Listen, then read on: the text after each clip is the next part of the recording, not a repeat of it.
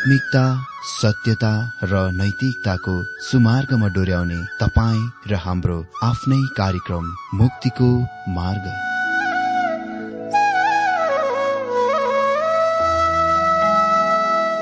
आदरणीय श्रोता यस मुक्तिको मार्ग कार्यक्रममा हार्दिक स्वागत छ। आशा छ यस आत्मिक कार्यक्रमद्वारा जीवनमा आत्मिक आशिष अलौकिक शान्ति र आनन्द प्राप्त गर्नुहुनेछ। र जीवनमा धन्य अनुभव गर्नुहुनेछ।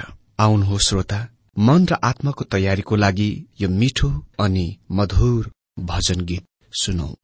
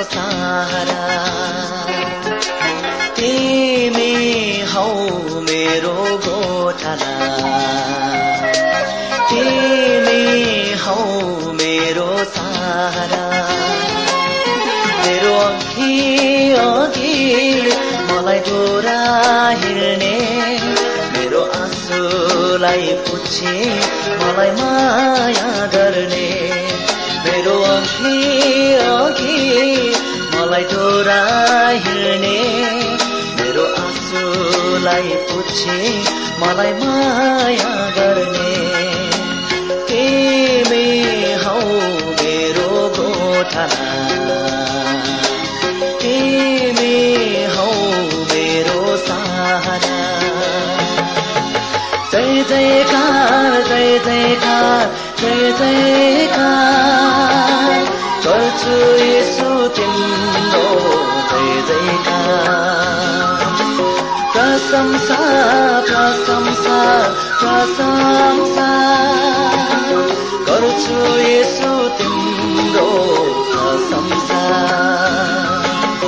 महिमा महिमा महिमा। गाउँछु यसो तिम्रो महिमा।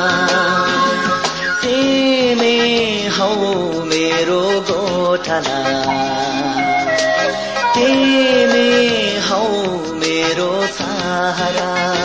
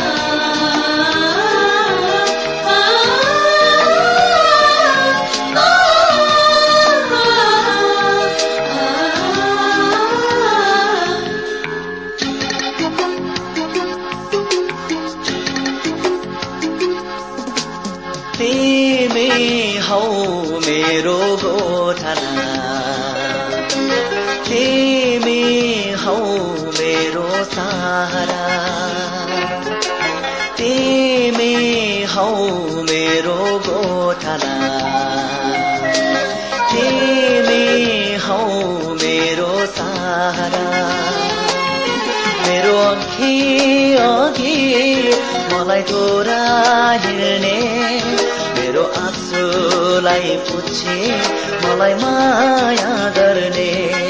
मेरो अघि अघि मलाई तोरा हिँड्ने मेरो आँसुलाई पुछे मलाई माया गर्ने।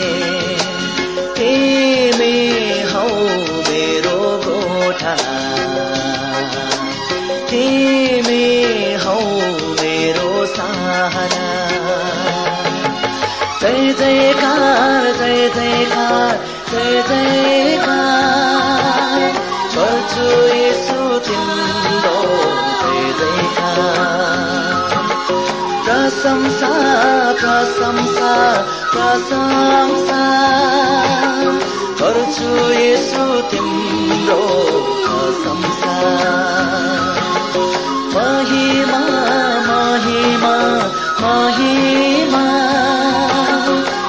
गाउँछु यसो तिम्रो महिमा तिमी हौ मेरो गोठला तिमी हौ मेरो सहारा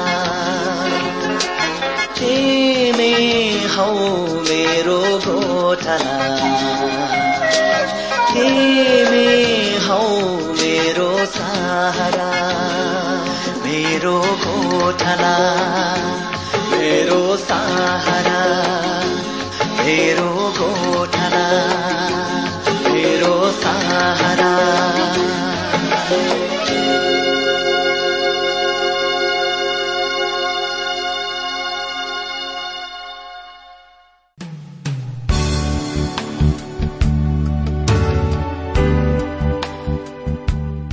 श्रोता यो प्रसारण मार्फत यो अवगत गराउन चाहन्छौ कि प्रभुको सेवाको लागि यहाँहरूको साझेदारी नित्यन्त आवश्यकता छ। यहाँहरूले प्रार्थनाको साथसाथै आर्थिक सहायता गर्न अनुरोध गर्दछौ। तपाईँहरूको सानो भन्दा सानो भेटी किन नहोस्? हामी प्रभुको नाममा स्वीकार गर्नेछौ प्रभुको सेवाको लागि। तपाईँहरूको यो सानो लगानीले कसैको जीवनमा भिन्नता ल्याउँछ अनि प्रभुको महिमा हुन्छ। प्रभु तपाईँहरूलाई महान गरी आशिष दिनुहुनेछ। इच्छुक श्रोताहरूले तपाईँको इच्छा भेटी हाम्रो ठेगानामा पठाउन सक्नुहुन्छ जुन ठेगाना हामी कार्यक्रमको अन्तमा दिनेछौ। प्रिय श्रोता मित्र प्रभु येशु ख्रिष्टको मधुर अनि सामर्थ्यनामा जय मसी अघिल्लो दिनहरूमा यस विषयबाट बाइबल अध्ययन गरिरहेका छौं कि मानिसहरूलाई धार्मिक पापहरूको निम्ति हप्काई डाँट्ने कुरा। मित्र परमेश्वरले ती मिकाका दिनका मानिसहरूलाई आठ दोषहरू वा आरोपहरू लगाउनुभयो। तर ती मानिसहरू आफैलाई धर्मनिष्ठ धार्मिक साँचो इमान्दार सही सम्झेर परमेश्वरले लगाउनु भएको दोषहरूलाई निन्दा गरे खण्डन गरे। बरु उल्टै तिनीहरूले आठ विभिन्न प्रश्न गरेर आफैलाई निर्दोष निष्कपट निष्कलंक न्यायोचित सही इमान्दार र धर्मी देखाउन कोसिस गरे। तर परमेश्वरले प्रति उत्तरमा तिनीहरूका प्रत्येक पापहरूको एक एक गरेर उदाङ्गो गरिदिनुभयो वास्तवमा। हामीले आठ ती दोषहरूको विवरणसहित देख्यौं जुन परमेश्वरले तिनीहरूमाथि लगाउनुभयो पहिलो अघिल्लो दिनमा हामीले देखिरहेका थियौं परमेश्वरले तिनीहरूमाथि लगाउनु भएको छैटौं सातौं र आठौं दोष वा अभियोग जुन यस प्रकार छ। छैटौं अभियोग हो तीन अध्यायको आठ पदमा लेखिएको छ के कुनै मानिसले परमेश्वरलाई लुट्छ र तापनि तिमीहरू मलाई लुट्दछौ? तिमीहरू सोध्छौ कसरी हामीले तपाईँलाई लुट्यौं र दशांशको भेटीमा। मतलब तिनीहरूले दशांश भेटीमा उहाँलाई लुटिरहेका थिए। दिनुपर्ने आवश्यक भेटी दान नदिएर अनि आठौं अभियोग हो तीन अध्यायको तेह्र पदमा तिमीहरू मेरो विरूद्धमा कडा वचन बोलेका छौ परमप्रभु भन्नुहुन्छ। तरै पनि तिमीहरू सोध्छौ कुन विषयमा हामीले तपाईँको विरूद्धमा कुरा गरेका छौं र? हेर्नुहोस् तिनीहरूका बहाना तिनीहरूको निर्दोषताको अनभिज्ञता बन्ने स्वाङ। एकदम आत्मिक धार्मिक र धर्मनिष्ठ भैटो पोलेर यहाँ सुन्नुहोस् परमेश्वरको प्रत्युत्तर जुनमा तिनीहरूका पापहरूलाई उदाङ्गो गरिदिनुहुन्छ। चौध पदमा लेखिएको छ तिमीहरूले भनेका छौ परमेश्वरको सेवा गर्नु व्यर्थ छ। उहाँको आज्ञा पालन गरेर अनि सर्वशक्तिमान परमप्रभुको अघि मरेकाहरूको लागि बिला चाहिँ हिँडेर हामीलाई के लाभ भयो र हेर्नुहोस् तिनीहरूका बहाना तिनीहरूको निर्दोषताको अनभिज्ञता बन्ने स्वाङ। एकदम आत्मिक धार्मिक धर्मनिष्ठ भैटो पोलेर। यहाँ सुन्नुहोस् परमेश्वरको प्रत्युत्तर। चौध पदमा तिनीहरूले भनेका छौ परमेश्वरको सेवा गर्नु व्यर्थ छ। उहाँको आज्ञा पालन गरेर अनि सर्वशक्तिमान परमप्रभुको अघि मरेकाहरूको लागि विलाप गरे झै हिँडेर हामीलाई के लाभ भयो र? आज त्यहाँ केही यस्ता मानिसहरू हाम्रा मण्डलीहरूमा छन् जो यस श्रेणीका छन्। ती इसरायलीहरू भन्छन् हाम्रो निम्ति परमेश्वरलाई सेवा गर्दा के फाइदा छ? यो व्यर्थ छ। अनि तिनीहरूको निम्ति यो व्यर्थ कुरा हो किनभने तिनीहरूका हृदय त्यसमा छैन। अनि जबकि तिनीहरूका हृदय त्यसमा नभएकोले गर्दा परमेश्वरले तिनीहरूलाई आशिष दिनु भएन। त्यसकारण तिनीहरूले त्यस परिस्थितिको निम्ति परमेश्वरलाई दोष दिन्छन्। परमेश्वरलाई सेवा गर्न कति पनि फाइदाजनक कुरा छैन। त्यो व्यर्थ हो। तर मित्र तिनीहरूले जे गरिरहेका थिए वास्तवमा त्यो चाहिँ बेकार र व्यर्थको थियो। यही नै शिकायत आज धेरै ख्रिस्टियनहरूबाट सुन्छौं। जब तिनीहरूका जीवनहरूमा खराब परिस्थिति आउँछ र खत्तम नहुने कुरा देखाइ पर्दछ तब तिनीहरू गुनासा गर्छन्। किन मेरो जीवनमा त्यस्तो फल्ना फल्ना फल्ना कुरा? म मण्डली जान्छु प्रार्थना गर्छु उपवास बस्छु बाइबल पढ्छु संगतिमा जान्छु। तर यी सबै कुरा किन? मित्र म तपाईँलाई भनौँ परमेश्वरसँग कुनै गलत छैन। गलत हामीसँग छ। बरु हामीले आफ्नै जीवनलाई जाँच्न निहालेर हेर्न आवश्यक छ। यो थाहा पाउन आवश्यक छ के म परमेश्वरसँगको सम्बन्धमा सही छु? के मेरो संगति उहाँसँग छ? के म उहाँको इच्छाबाट बाहिर त छुइन? मित्र म तपाईँलाई भनौँ ख्रिस्टियनको रूपमा हामी के गर्छौं त्यो त्यति महत्वपूर्ण छैन तर हामी वास्तवमा उहाँसँग कस्तो सम्बन्ध छ त? त्यो चाहिँ महत्वपूर्ण हो। यदि तपाईँ र मेरो उहाँसँग सही सम्बन्ध छैन भने हामी उहाँको निम्ति वा जस्तो सुकै काम गरौं त्यो कति पनि लायकको छैन कामको छैन। यो कुरा बुझ्न धेरै नै महत्वपूर्ण र आवश्यक छ। हजुर मिकाको दिनमा ती इसरायलीहरू भनिरहेका थिए चौध पदमा परमेश्वरको सेवा गर्नु व्यर्थ छ। उहाँको आगे पालन गरेर अनि सर्वशक्तिमान परमप्रभुको अघि मरेकाहरूको लागि विलाप गरे चाहिँ हिँडेर हामीलाई के लाभ भयो र? अनि आज हामी मिका तीन अध्यय पन्ध्रदेखि अठार पदबाट बाइबल अध्ययन गर्नेछौ। आउनुहोस् हामी तीन अध्ययको पन्ध्र पद हेर्दै अगाडि बढौं। यहाँ यस प्रकार लेखिएको छ यहाँ हामी ती मिकाका दिनमा इसरायलीहरूका शिकायत र गुनासोको देख्छौ। यस प्रकार लेखिएको छ तर अब त हामी हड्डीहरूलाई नै सुखी भन्छौ। निश्चय नै दुष्ट काम गर्नेहरू सफल भएका छन् र परमेश्वरलाई हाँक दिनेहरू उम्कन्छन् यो यस्तो देखाइ पर्यो कि तिनीहरूले परमेश्वरको परीक्षा गर्न सक्थे र त्यसबाट बिना दण्ड मुक्त हुन सक्थे उम्कन सक्थे। तर हबकुकले आफ्नो दिनमा यो कुरा पत्ता लगाए कि परमेश्वर इसरायल राष्ट्रको जीवनमा चाल चलिरहनु भएको थियो बढ़िरहनु भएको थियो र तिनीहरूलाई दण्ड दिन गइरहनु भएको थियो। म एउटा यस्तो विचार मान्ने व्यक्ति हुँ। यदि हामीले दृश्यहरूको पछाडि हेर्न सके र परमेश्वरको चक्का अगाडि बढ़िरहेको चाल चलिरहेको देखे हामी कृपाको लागि तुरुन्तै परमेश्वरतिर पुकार गर्ने थियो। म बढ़िरहनु भएको चाल चलिरहनु भएको हामी यसलाई थाहा पाएका त्यति देख्दैनौ। सोह्र पद। तब परमप्रभुको डर मान्नेहरूले आपसमा कुरा गरे र परमप्रभुले तिनीहरूका कुरा ध्यानसित सुन्नुभयो। परमप्रभुको डर मान्नेहरू र उहाँका नाउँको मान गर्नेहरूका सम्झनाको पत्र मुठामा उहाँकै उपस्थितिमा लेखियो। भनिएको छ तब परमप्रभुका डर मान्नेहरूले आपसमा कुरा गरे। अर्को शब्दमा त्यहाँ सानो संख्यामा प्रभुको भय मान्ने बाँकी रहेका भक्तजनहरू थिए जसले परमेश्वरलाई प्रेम गर्थे र एक आपसमा प्रेम गर्थे। र तिनीहरूले परमप्रभुको भय मान्थे। तिनीहरू एक आपसमा कुरा गरे। तिनीहरूले संगति गरिरहेका थिए। भनिएको छ र परमप्रभुले तिनीहरूका कुरा ध्यानसित सुन्नुभयो। परमप्रभुको डर मान्नेहरू र उहाँको नौको मान गर्नेहरूका सम्झनाको पत्र मुठामा उहाँकै उपस्थितिमा लेखियो। पूरा शास्त्रभरि त्यहाँ त्यस्तो विचार छ कि परमेश्वरले रेकर्ड राख्नुहुन्छ।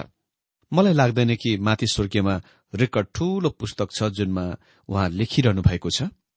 मित्र परमेश्वर कहिले पनि भुल्नुहुन्न अनि उहाँलाई त्यस बही खाताको आवश्यक पनि पर्दैन। उहाँलाई कम्प्युटरको पनि आवश्यक छैन। पुस्तकमा रेकर्ड गर्ने कुराको विषय प्रकाशको पुस्तकमा पनि उल्लेख गरिएको छ। अनि तीन अध्यायमा हामी यो सुझाव पाउँदछौ कि उहाँको नामको मेट्न प्रवृत्त हुनुहुन्छ वा मेट्न सक्ने कुरा हो। प्रकाश तीन अध्ययको चार र पाँच पदमा लेखिएको छ सार्डिसमा पनि तिमीहरूसित केही नामहरू छन् जसले आफ्ना वस्त्रहरू अशुद्ध पारेका छैनन् र उनीहरू मसित सेता वस्त्रहरू पहिरी हिँड्नेछन् किनकि उनीहरू योग्यका छन् जसले जय पाउँछ। उसलाई सेता वस्त्र पहिराइनेछ। अनि जीवनको पुस्तकबाट म उसको नाउँ कुनै रीतिले काट्ने छैन। तर उसको नाम मेरा पिताको सामु र उहाँका दूतहरूका सामु स्वीकार गर्नेछु। यो एकदम कठोर भाषा हो। स्पष्ट रूपले भन्नुपर्दा प्रकाशको पुस्तकमा यो बुझ्नलाई अति नै कठिन अनुच्छेद पनि हो। म सोच्दिन कि स्वर्गीयमा परमेश्वरका पुस्तकहरूका बही खाताहरूका सेटहरू छन् तर तपाईँ र मैले यसलाई बुझ्न सके सक्ने तरिका वा बाटो नै उहाँले प्रयोग गर्नुहुने वाक्य अलंकारद्वारा हो। म यसलाई बुझ्न सक्छु जब उहाँले भन्नुहुन्छ उद्धार पाएकाहरूका नामलाई जीवनको पुस्तकमा लेख्नुहुन्छ। म यो बुझ्न सक्छु कि इनाम पुरस्कार पाउनेहरूका नाम पुस्तकमा लेख्न सक्नुहुन्छ। यसले मलाई एकदम स्पष्ट पार्दछ। तर म विश्वास गर्दिन कि परमेश्वरसँग त्यहाँ साँच्चीकै पुस्तक छ। यद्यपि उहाँले यसको राख्न सक्नु भए तापनि हामीलाई प्रकाशको अन्तिम भागमा भनिएको छ कि जब गुम र निन्दित भएकाहरूलाई परमेश्वरको श्वेत सिंहासनको सामने ल्याइयो पुस्तकहरू खोलिनेछ र त्यहाँ ती अति नै धेरै छन्। अनि त्यहाँ उद्धार पाउनेहरूका पनि पुस्तक छ। म यसलाई यसरी नमूनाद्वारा स्पष्ट पार्न चाहन्छु। यो चाहिँ रिपोर्ट कार्ड जस्तै हो जुन म स्कूलमा पाउने गर्दथे। तपाईँले रिपोर्ट कार्ड पाउनुहुन्छ यदि तपाईँ विद्यार्थी हुनुहुन्छ भने। तपाईँ जीवनको थुमाको पुस्तकमा ख्रिस्टलाई आफ्नो उद्धारकर्ताको रूपमा ग्रहण गरेर प्रवेश गर्नुहुन्छ। अनि त्यो कहिले हटाइने छैन। तपाईँसँग रिपोर्ट कार्ड छ। तपाईँ जीवनको थुमाको पुस्तकमा हुनुहुन्छ। तपाईँ भर्न हुनुभएको छ। अहिले तपाईँ श्रेणीहरू पाउन शुरू गरिरहनु भएको छ। तपाईँ आफ्नो बाइबल अध्ययनसँग के कसो गरिरहनु भएको छ? सो कुरा उहाँ त्यसमा लेख्न गइरहनु भएको छ। उहाँले त्यसमा कुन श्रेणी दिइरहनु भएको छ त? के तपाईँ यी दिनहरूमा ए को श्रेणी बनाइरहनु भएको छ? क श्रेणी बनाइरहनु भएको छ? वा तपाईँ को फेल भइरहनु भएको छ? उहाँको लागि तपाईँको जीवन के कस्तो छ? उहाँको लागि तपाईँको सेवा कस्तो छ? उहाँले सबै कुराहरूको नोट गर्नुहुन्छ र तिनीहरूको रेकर्ड गरिएका छन्। त्यसकारण म विश्वास गर्दछु कि जब उहाँले सार्दिसका मण्डलीलाई भन्नुहुन्छ जीवनको पुस्तकबाट नामहरू हटाइनेछ मेटाइनेछ यसले गर्नुपर्ने सरोकार चाहिँ सेवाहरूसँग छ किनभने त्यसकै बारेमा यहाँ उही कुरा उहाँ भनिरहनु भएको छ। यसले गर्नुपर्ने सरोकार चाहिँ सेवासँग छ जुन तिनीहरूले इनामको रूपमा पाउँछन्। त्यहाँ हामी धेरै हुनेछौं जसले रिपोर्ट कार्ड पाउनेछ तर कोही कोही चाहिँ ख्रिस्टियन जीवनमा असफल हुन गइरहेका छन्। पाओले कोरन्थीहरूलाई लेखेको उसको पत्रमा भने कि हाम्रा कामहरू आगोद्वारा जाँचिनेछन्। यदि कुनै मानिसको काम खाली पराल र घाँसको छ त्यो सबै आगोद्वारा भस्म हुनेछ के उनी बाँच्नेछन् त? उद्धार पाउनेछन्? पाओले भन्छन् पावलले भन्छन् हजुर निश्चय नै बाँच्नेछन् तर आगोबाट भएर उम्के जस्तै। स्वर्गीयमा त्यस्ता धेरै मानिसहरू छन् हुन गइरहेका छन् जो आगोबाट निस्किएर आएको जस्तै धुवा धुवा गनाउनेछन् या तपाईँ यसरी पनि भन्न सक्नुहुन्छ बलिरहेको भुङ्रोबाट झिकेको अगुल्ठो जस्तै गनाउनेछन् तिनीहरूले केही पनि आफ्नो जीवनहरूमा गरेनन् अनि तिनीहरूका रिपोर्ट कार्डमा केही पनि परिश्रम नगरेको जिरो वा असफल लेखिएको थियो। भनिएको छ परमप्रभुको डर मान्नेहरू र उहाँको नाउँको मान गर्नेहरूका सम्झनाको पत्र मुठामा उहाँकै उपस्थितिमा लेखियो।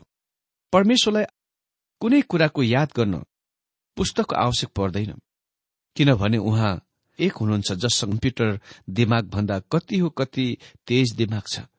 रेकर्ड चाहिँ तिनीहरूका उहाँको लागि कामहरू तिनीहरूका सेवाहरू र तिनीहरूका प्रेमका रेकर्डहरू हुन्। तिनै कुराहरूको उहाँले रेकर्ड गरिरहनु भएको छ। उद्धारसितै हो। यो विश्वासद्वारा हो। कहिले पनि कामहरूद्वारा होइन। तपाईँले उद्धार पाइसक्नु भएपछि तबबाट तपाईँका कामहरू गरिन।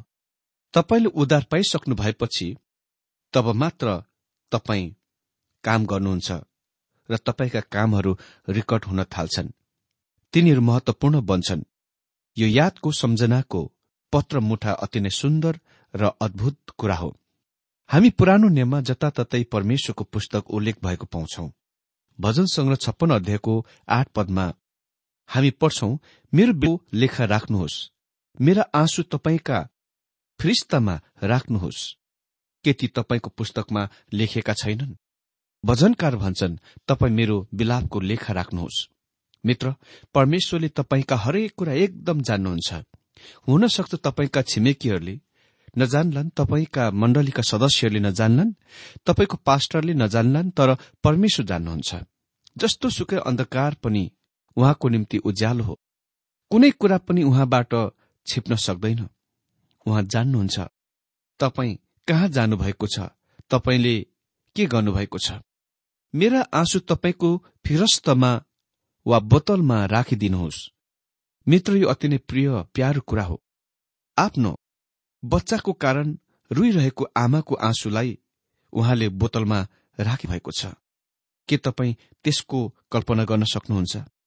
ओ यो कति अद्भुत कुरा हो कि उहाँले त्यसको ध्यान दिनुभएको छ नोट गर्नुभएको छ टिपोट गर्नुभएको छ। त्यस मानिस जसले परमेश्वरलाई सेवा गरेको छ तर उसका आफ्ना दाजुभाइहरूद्वारा हेला गरिएको सताइएको दुःख पीड़ा दिएकोले गर्दा उनी रुन्थे। रोए उसको निम्ति परमेश्वर भन्नुहुन्छ मैले ती आँसुहरू बोतलमा राखेको छु। अन्तिममा भजनकार भन्छन् के ती तपाईँका पुस्तकहरूमा लेखेका छैनन् र? मित्र त्यहाँ त्यस्तो पुस्तक छ जसले हाम्रा जीवनहरूको रेकर्ड राख्दछ। तपाईँ आफ्नो जीवनबाट मृत्युसम्मको तपाईँले गर्नुभएका सम्पूर्ण कुराहरू त्यहाँ रेकर्ड गरिन्दछ। अनि एक दिन उहाँले हामीलाई शुरूदेखि अन्तिमसम्मका ती कुराहरू देखाउनुहुनेछ। म तपाईँको बारेमा जान्दिन तर म चाहिँ आफ्नो बारेमा हेर्न चाहन्छु। तर मलाई लाग्छ कुनै दिन हामी सबैले त्यसको हेर्नुपर्नेछ। त्यसकारण मित्र जब हामी संसारमा हुन्छौ केही समयसम्म हामी होसियार हुन आवश्यक छ कि हाम्रो जीवनलाई हामी कसरी चलाइरहेका छौं त।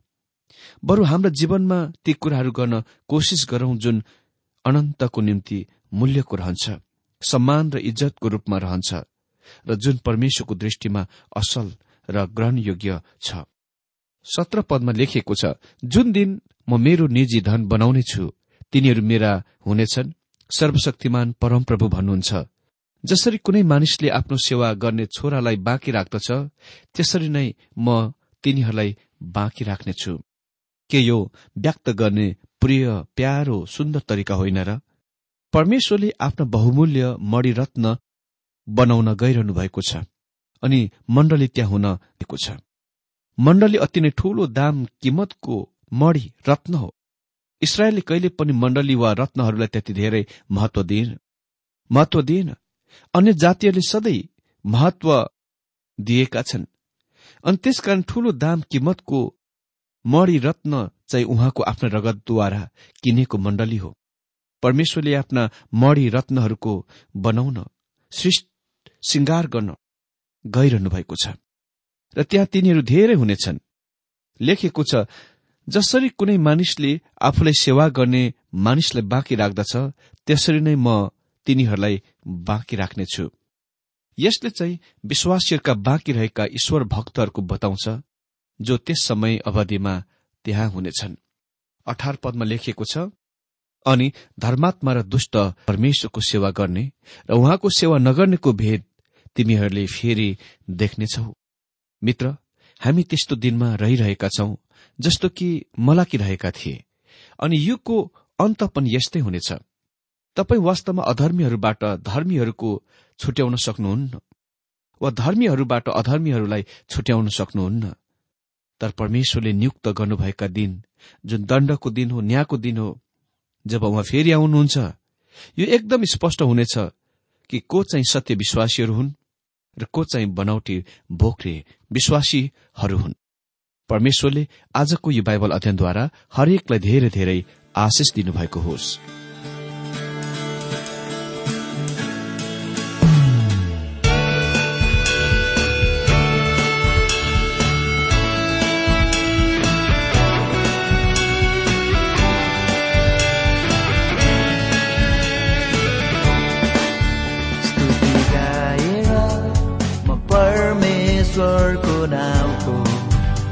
प्रशंसा गर्नेछु।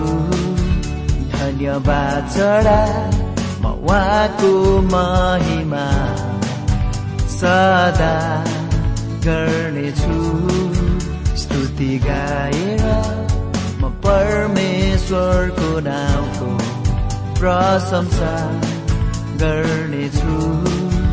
धन्यवाद चढा म उहाँको महिमा सदा गर्नेछु। बलिको साडे भन्दा उत्तम मेरो चुरा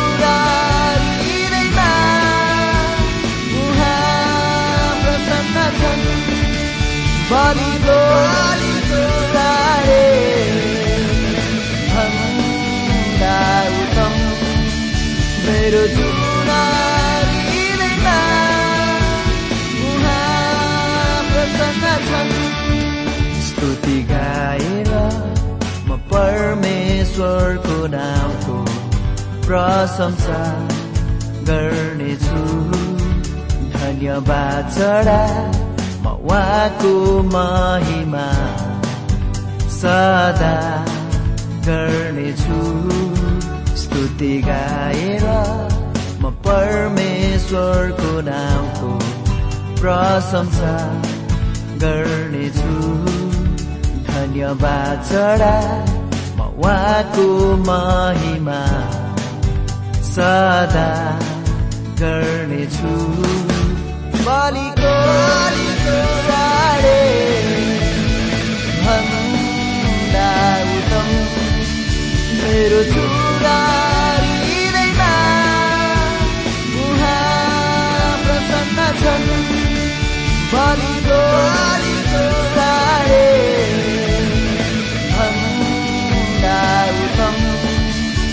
मेरो चुरा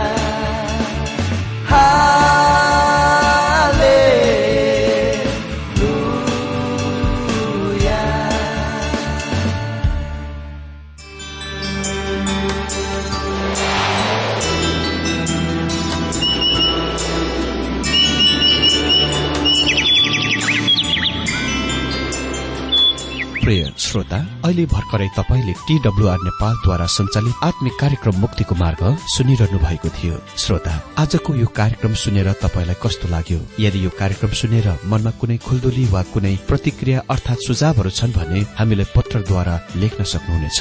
हामी हृदयदेखि नै स्वागत गर्नेछौ स्वीकार गर्नेछौ साथै बाइबल सम्बन्धित प्रचारहरू कार्यक्रम सारणीहरू हामी अनुरोधमा पठाउन सक्छौ। अनि तपाईँसँग कुनै प्रार्थनाको विषय छन् भने हामीले तपाईँको लागि प्रार्थना गरेको चाहनुहुन्छ भने प्रभुमा आफ्नै परिवार सम्झेर हामीलाई पत्रमा लेख्न सक्नुहुनेछ। तपाईँको लागि हामी प्रभु येशुसँग प्रार्थना गर्नेछौ। अधिक जानकारी र पत्रचारको लागि हाम्रो ठेगाना यस प्रकार छ। कार्यक्रम मुक्तिको मार्ग जीपीओ नम्बर उनानब्बे पचहत्तर एपीसी पच्चिस एकसठी काठमाडौँ। ठेगाना एकपल्ट सुन्नुहोला कार्यक्रम मुक्तिको मार्ग जीपीओ नम्बर उनानब्बे पचहत्तर एपीसी पच्चिस एकसठी काठमाडौँ। हाम्रो इमेल एड्रेस हो TWR Nepal at Yahoo dot com साथै यस नम्बरमा एसएमएस गर्न सक्नुहुनेछ अन्ठानब्बे चार सत्तरी पैंतिस छ सय उनासी नौ आठ चार सात जिरो तीन पाँच छ सात नौ। हुन्छ श्रोता आजलाई हामी विदा चाहन्छौ। अर्को कार्यक्रममा हामी पुनः भेट्नेछौ तबसम्मलाई नमस्कार।